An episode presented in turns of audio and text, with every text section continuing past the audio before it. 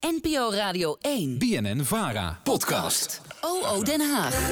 Elke dinsdag gaat onze Haagse redactie op zoek naar het antwoord op een politieke luisteraarsvraag. En deze week dook onze eigen politiek redacteur Anne Plezier de wandelgang in.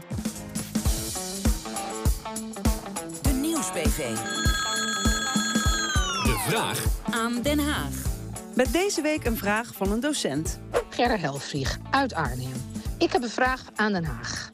De mensen in de Kamer, maar ook de ministers en zelfs de minister-president zitten de hele tijd op hun telefoon. Zou het niet wat zijn om een telefoontas op te hangen in de Tweede Kamer, zodat niemand daar meer last van heeft? Dag!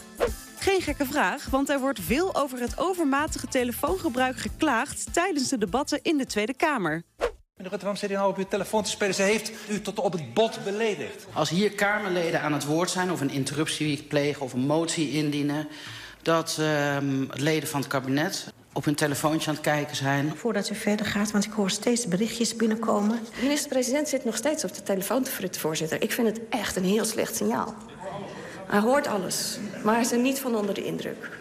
Wat voor signaal is het Ja, aan ik durf zijn eh, telefoon niet in beslag te nemen... want ik weet niet wat voor berichten allemaal binnenkomen. Ja, Ja, bij Rutte durfde oud-voorzitter Khadija Ariep de telefoon niet in te nemen, maar dat deed ze zeker wel eens bij anderen. Meneer Van Rooyen, dan gaat het derde proces keer neem ik de telefoon in beslag. Vinden de Kamerleden zo'n inlevertas voor telefoons een goed idee? En zitten ze zelf ook wel eens iets anders te doen tijdens een debat? Ik ging de wandelgangen in voor het antwoord. Ik betrap mezelf er ook op dat ik het gewoon veel te vaak doe.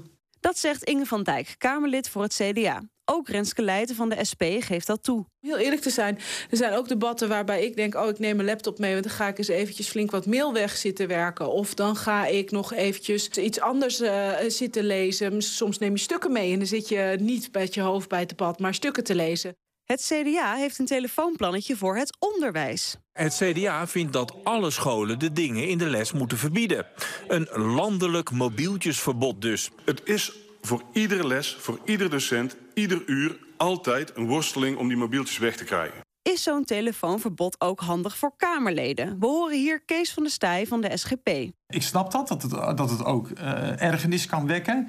En tegelijkertijd wil ik het er ook een beetje voor opnemen, omdat ik dat zelf ook wel merk, dat het soms echt praktisch is dat je nog even eh, van iemand uit het land een opmerking krijgt van ja, de minister zegt wel dat de plannen van Overijssel al in behandeling zijn genomen, maar zegt dan iemand uit de provincie Overijssel, eh, we hebben een niet zeggend briefje terug gehad hoor, dus ik kan naar de interruptiemicrofoon eh, dan lopen en dan zeggen ja, Minister, u zegt nou wel dat u net de behandeling hebt genomen, maar het is een niet zeggend briefje, heb ik begrepen. Dus dat is wel echt handig dat je dan even snel ook weer gevoed kan worden vanuit het land. Zelf CDA Inge van Dijk, wiens partij dus voor dat telefoonverbod in het onderwijs is, vindt haar telefoon in de Tweede Kamer dan wel weer noodzakelijk. Het is heel veel, vooral eh, gedurende het debat, dat er bijvoorbeeld vragen gesteld worden. Dat je even denkt, hé, hey, hoe zit dat nou precies? Dat je even bijvoorbeeld met je medewerker schakelt van... eh eh, dit klopt toch dat ik het zo beredeneer? Of van, goh, ik hoor die of die dat zeggen.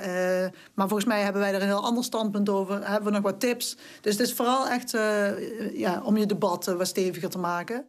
En toegegeven, communiceren met je medewerkers tijdens een debat in de Tweede Kamer is erg ingewikkeld zonder telefoon. Dat legt het langzittende Kamerlid Kees van der Staaij uit. Wat ik ook wel grappig vond, wat ik eigenlijk ook niet wist toen ik net in de Kamer kwam, maar dat er in nog een soort heiligheid aan die plenaire zaal is. Dat als de vergadering loopt, het ook niet zo kan zijn dat er zomaar een medewerker of een voorlichter even naar je toe loopt en zegt van oh hier heb je nog wat stukken voor zometeen. Dat is echt absoluut ongepast. En vroeger ging dat dus wel wat omslachtig. Vroeger ging dat allemaal met die keurige blaadjes. We hebben ook allemaal zo'n laadje in onze plek met wat papier erin waar je even dan een berichtje kan sturen. En dan kon je bijvoorbeeld even een kaartje, zo'n zo'n zo'n uh, kartonnen kaartje sturen. En, ook via de bode dan naar een minister om nog even een, een, vraag te stellen of een opmerking te maken. En zo communiceerde je dan vanuit de zaal even met een, uh, uh, met een, met een, een staatssecretaris of een minister. Nou dat is natuurlijk een beetje achterhaald door... Uh, doordat we nu op een andere manier kunnen communiceren. Nou, helemaal afschaffen gaat dus wat ver.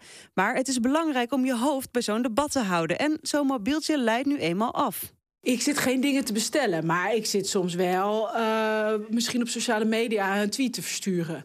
En eigenlijk vind ik dat niet goed, want het debat vindt plaats uh, in de Kamer. Daar hoor je dan eigenlijk ook met je concentratie te zijn. Het is echt een uitdaging om te zeggen, nu even niet. Alle informatie die je binnenkrijgt is belangrijk, is relevant, is actueel. Als Kamerlid heb je het gevoel dat je alles moet volgen.